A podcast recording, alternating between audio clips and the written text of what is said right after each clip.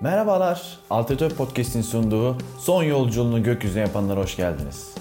Ee, bu podcast'te gerek Türkiye'de gerek dünyada e, olan uçak kazaları, havacılık e, haberleri, havacılığın gelişmesi, sıfırdan başlayıp nerelere geldik ve en son sonunda e, bir 20 küsür bölümün ardından da günümüz havacılığına ve günümüzdeki kazalara kadar ulaşmayı planlıyorum. E, yine senin ne haddine bu havacılık podcast'i diyenler olacaksa eğer ben bir inşaat mühendisiyim ama havacılıkla çok e, yakından alakalı olan bir inşaat mühendisiyim. E, havacılık benim e, e, en özel hobilerimden biri ve yıllarca pilot olmak için uğraştım fakat farklı gerekliler yüzünden pilot olamadım. Ama dediğim gibi havacılıkla çok ilgiliyim ve düzenli takip eden bir insanım. Bana bu açıkçası fikri veren de Kerem Gök oldu. Kerem Gök'ün Türk Sivil Havacılık Tarihi damgasını vuran uçak kazaları kitabını okuduktan sonra ben de buna benzer bir e, hani hazır böyle bir arşivde varken ki sağ olsun Kerem Gök'ün e, kitabın arkasında belirttiği kaynakça çok değerli bir kaynakça. Yani gerçekten e, bu kadar ayrıntılı bir kaynakçı olmasını hiç beklemiyordum ve hani podcast yapma fikri aklıma geldikten sonra eyvah ben bu kadar kaynağı nereden bulacağım derken Kerem Gök'ün yazdığı kaynakça benim imdadıma yetmiş oldu. Kerem Gök'e de buradan çok teşekkür ederim. Bana bu ilhamı da veren insanlardan biri oldu. Ben de yine benzer şekilde gerek Türkiye'de gerek dünyada sıfırdan alıp edindiğim, araştırdığım bilgilerle, işte çevirdiğim e, makalelerle sizlere de bir, biraz bilgi vermeye çalışacağım. Öncelikle yine Kerem Gök'ün kitabının girişinde çok güzel bir laf var. Ben de inşaat mühendisi olduğum için açıkçası dikkatimi çekti. Havacılıkta uçak kazalarını konuşmaktan çekinmek, inşaat alanında depremleri göz ardı etmek kadar aptalcadır demiş Kerem Gök. Gerçekten e, bir inşaat mühendisi yani bir inşaatta e, bina yapılırken ya da herhangi bir sanat yapısı yapılırken e, depremi göz ardı etmek muhtemelen en ufak bir sarsıntıda onu yerle bir edecektir. Aynı şekilde uçak kazalarını konuşurken de burada herhangi işte uça, e, uçağı yani uçak yolculuğunu konuşurken de kaza ihtimalini e, aklımızdan çıkardığımız anda büyük felaketlerin sonucuyla e, birebir yüzleşmek zorunda e, kalacağızdır. O yüzden bu lafta çok hoşuma giden bir laftı. Peki başlayalım. Bana e, sanırım bir 4-5 ay önce bir eğitim kurumu tarafından e, bir işte e, uçak nasıl uçulur? Ben e, bir eğitim kurumuna e, e, başvurmuştum part-time bir iş için ve uçmak nasıl olur? Uçak nasıl uçurulur ve uçmakla ilgili kısa bilgiler verin diye bana bir mülakat e, sınavı yaptırdılar ve bu mülakat sınavında da soru çok net bir şekilde buydu. Aslında bunun benden niye istendiğini anlayamamıştım fakat muhtemelen e, belli bir konu seçilip e, kişinin anlatım kabiliyeti işte konuşma kabiliyeti ölçülecekti ve ben de ilk aklıma gelen şey Hazarfen Ahmet Çelebi'ydi. Şimdi Hazarfen Ahmet Çelebi gerçek mi diyenlerinizi duyacak gibiyim. Hazarfen Ahmet Çelebi açıkçası bana yani e, böyle bir insan mutlaka var. Çünkü hani bu burada Hazarfen isminden bağımsız uçmayı isteyen ve gerçekten İstanbul'u, Boğaz'ı, işte Galata Kulesi'ni görünce aklına uçmak gelen tek insan eminim ki o değil. Çünkü aynı şeyler benim de aklıma geliyor. Tabii şu anda Galata Kulesi'ne çıktığımızda gökdelenlerden ve benzeri e, yüksek yapılardan muhtemelen Üsküdar'daki e, Doğan Meydanı'nı e, göremesek de e, benim de aklıma gerçekten oradan bir karşıya uçmak geldi e, Galata'ya çıktığım zaman. Yani şöyle e, Hazarfen Ahmet Çelebi şöyle düşünün. Tabii ki Hazarfen Ahmet Çelebi'nin e, kim olduğu ile ilgili hepinizin belli bilgisi var. O yüzden hani onun tarihçisini internetten hazır alıp okumakla devam etmeyeceğim. Şöyle bir şey diyeceğim abi. Galata'dan yani tam Galata Kulesi'nin olduğu yerden e, Doğancılar Meydanı yani Üsküdar uçtuğu rivayet edilen yer 3.3 kilometre kuş uçuşu. Yani bir insanın o yıllarda 3.3 kilometre uç, uç, e, uçmuş olması eminim ki kimseye mantıklı gelmiyordur. Fakat e, bunun güncelde şu an e, sportif havacılıkla ilgilenen yani işte e, şey işte yelkenle havacılıkla ilgilenen insanlar tarafından uçulabildiğini görüyoruz aslında bu uzaklığın. Hani bu yüzden de e, o zaman da belki böyle birden fazla değişken doğru yerde durmuştur ve belki de bu olmuştur diye düşünmekten kendimi alamıyorum. Ama dediğim gibi Hazarfen Ahmet Çelebi diye bir insan olsun olmasın hepimize bir uçma, bir başarma içgüdüsü verdi. Ve eminim ki dünyanın başka yerlerine başka Hazarfen Ahmet Çelebiler'de uçmayı isteyerek şu andaki bizim e, e, havacılıkla olan ilgimizi, yani havacılıkla olan bilgimizi ve teknolojimizin başlamasında ve gelişmesinde faydalı olan insanlar Hazarfen Ahmet Çelebiler'de diye düşünüyorum. Şimdi kısaca bir e, biraz felsefi bir giriş yaptıktan sonra Türkiye'de havacılığa gelelim. Türkiye'de havacılıkla ilgili sizlere bir makale okuyacağım. Ya yani böyle arada program boyunca makaleler okuyacağım çünkü hani e, internetten bulduğum bilimsel bir makaleyi sizlere anlatıyormuş gibi yapıp makale okumuyorum demektense direkt olarak makale okuyup üstüne yorumlar yaparak devam etmeyi istiyorum. Türkiye'de havacılıkla ilgili bir e, açıkçası bir makale buldum. Cumhuriyet'in ilk yıllarında havacılık alanındaki en önemli teşebbüs 15 Mart 1925 tarihinde Cevat Abbas Başkanı'nda büyük bir şevkle çalışmaya başlayan Türk Teyyare Cemiyeti'ydi. Halktan bağış toplamakla işe başladılar. Kısa zamanda iki uçak temin edildi. Cemiyet halka havacılığı sevdirmek ve e, bağış toplamak amacıyla Anadolu'ya adım adım gezerek hava gösterisi yaptılar. Bir kere bu çok önemli bir şey. Niye derseniz yani daha 1920'lerde işte yeni bir devlet, yeni bir e, işte savaş vesaire öyle bir ortamdayken insanları zaten e, dediğim gibi eğlendirmek de çok önemli, bağış toplamak da çok önemli ve uçmanın gayet insancıl bir şey olduğunu, herkesin uçabildiğini, bakın bu insan da uçabilip uçabiliyor demek için belki de çok önemliydi bu. E, devam etmesi gerekirse e, işte bir yandan da havacılık okulu kurmak için e, teşebbüse geçen bu cemiyet 19 Ekim 1925 tarihinden sonra yönetimin değişmesiyle mevcut plan ve programlarda değişiklikler yapmıştır. Bu tabi bizi üzen bir şey oldu. Teyyare Cemiyeti dünyadaki benzerleri gibi sivil bir inisiyatif olarak başlamış, kısa zamanda halkın büyük teveccühüyle karşılanmıştı. Ülkede sulh, selamet ve güvenliğin sağlanabilmesini, havacılık alanındaki üstünlüğe bağlı olduğu düşüncesinin dünyada hakim olduğu bir zamanda atılan bu yerinde adım Türk milletine karşılığını hemen bulmuştur. Bu aşamadan sonra cemiyet havacılıkla ilgili her türlü çalışmasını hava kuvvetlerine devrederek faaliyetlerini sadece gelirlerinin değerlendirmesiyle sınırlamıştır. 1935 yılına kadar bu, bu politika devam edecek ve ancak bu tarihten başlayarak Türk Hava Kurumu, Türk Kuşu olarak motorlu uçaklarla eğitim faaliyetlere başlayacaktır. Bu arada Türk havacılık tarihinde kaybedilen zaman ise tam 10 yıldır. Bakın buradaki 10 yıl çok önemli. Çünkü bir gelişimden yani havacılığın dünyada başlamasından 10 yıl bile geç başlarsanız bu işe şu anda olduğu gibi belki yüzlerce yıl geride kalıyorsunuz. Şu anda dünyanın birçok yerinde direkt e, o ülke menşeli olmasa da uçaklar ve benzeri şeyler üretilirken, e, yüksek teknoloji üretilirken bizim zamanında sadece 10 yıl geri kalmamız şu anda hiçbir şey üretemiyor olmamıza e, delalet ediyor. Bunu da araya sıkıştırayım. Eee Şimdi şöyle, Türk halkının havacılığa verdiği önem göz önüne alınırsa arada kaybedilen zaman diliminin Türk milletine maddi ve manevi zararlarının büyüklüğü görülecektir. Ki şu an görüyoruz az önce açıkladığım gibi. Bu açığın kapatılması için milli servetimizden milyarlarca dolar harcanması gerekiyor.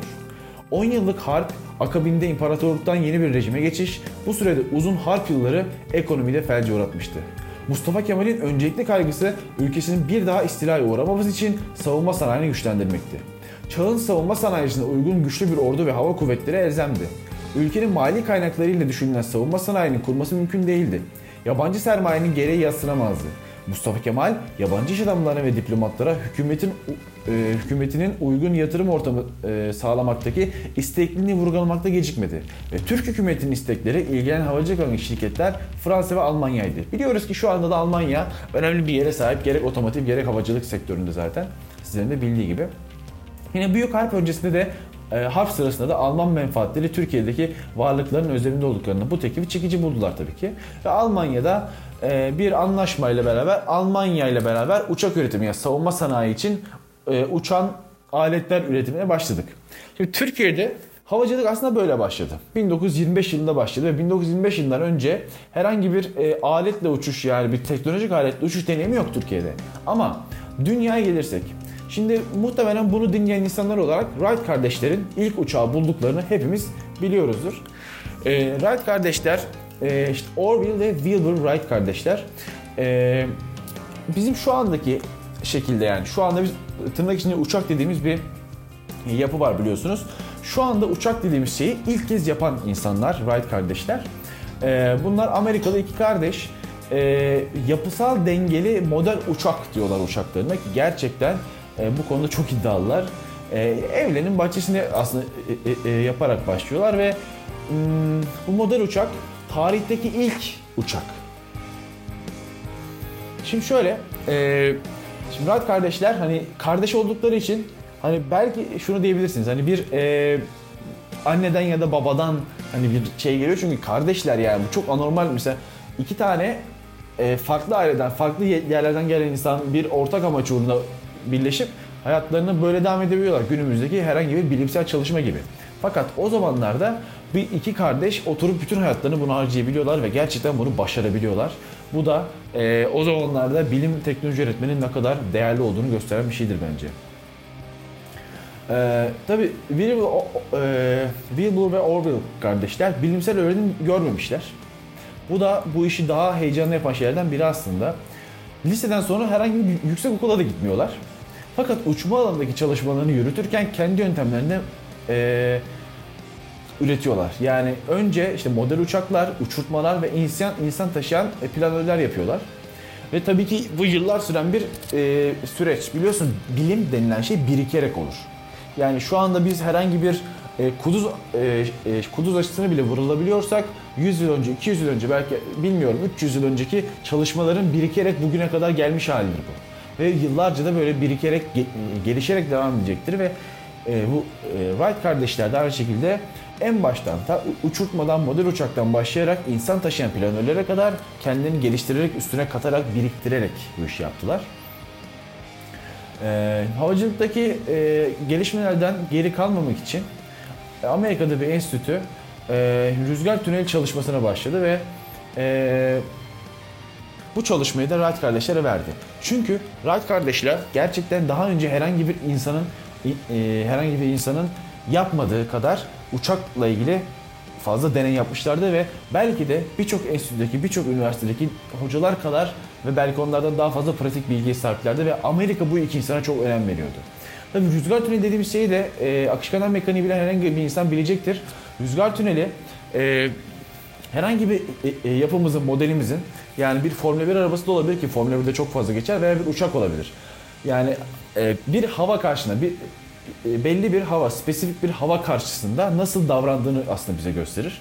Yani herhangi bir uçağı bir rüzgar tüneli koyduğumuzda önünden, sağından, solundan e, gerçekte gelebilecek ya da bizim gelebilmesini istediğimiz hava e, akımını getirirsek ve uçağımızın ya da işte yine Formula 1 aracımızın nasıl davrandığını görebildiğimiz bir şeydir rüzgar tüneli. Bir e, e, bir yapay dünyadır aslında orası. Bizim kendi isteğimize göre şekillendirebildiğimiz yapay bir dünyadır. Ve e, orada da aynı şekilde bunu yapabiliyoruz. Ve tabii Wright kardeşler e, buna eriştikten sonra, rüzgar tüneline eriştikten sonra gerçekten e, daha e, daha günümüz yakın uçaklar yapmaya başladılar.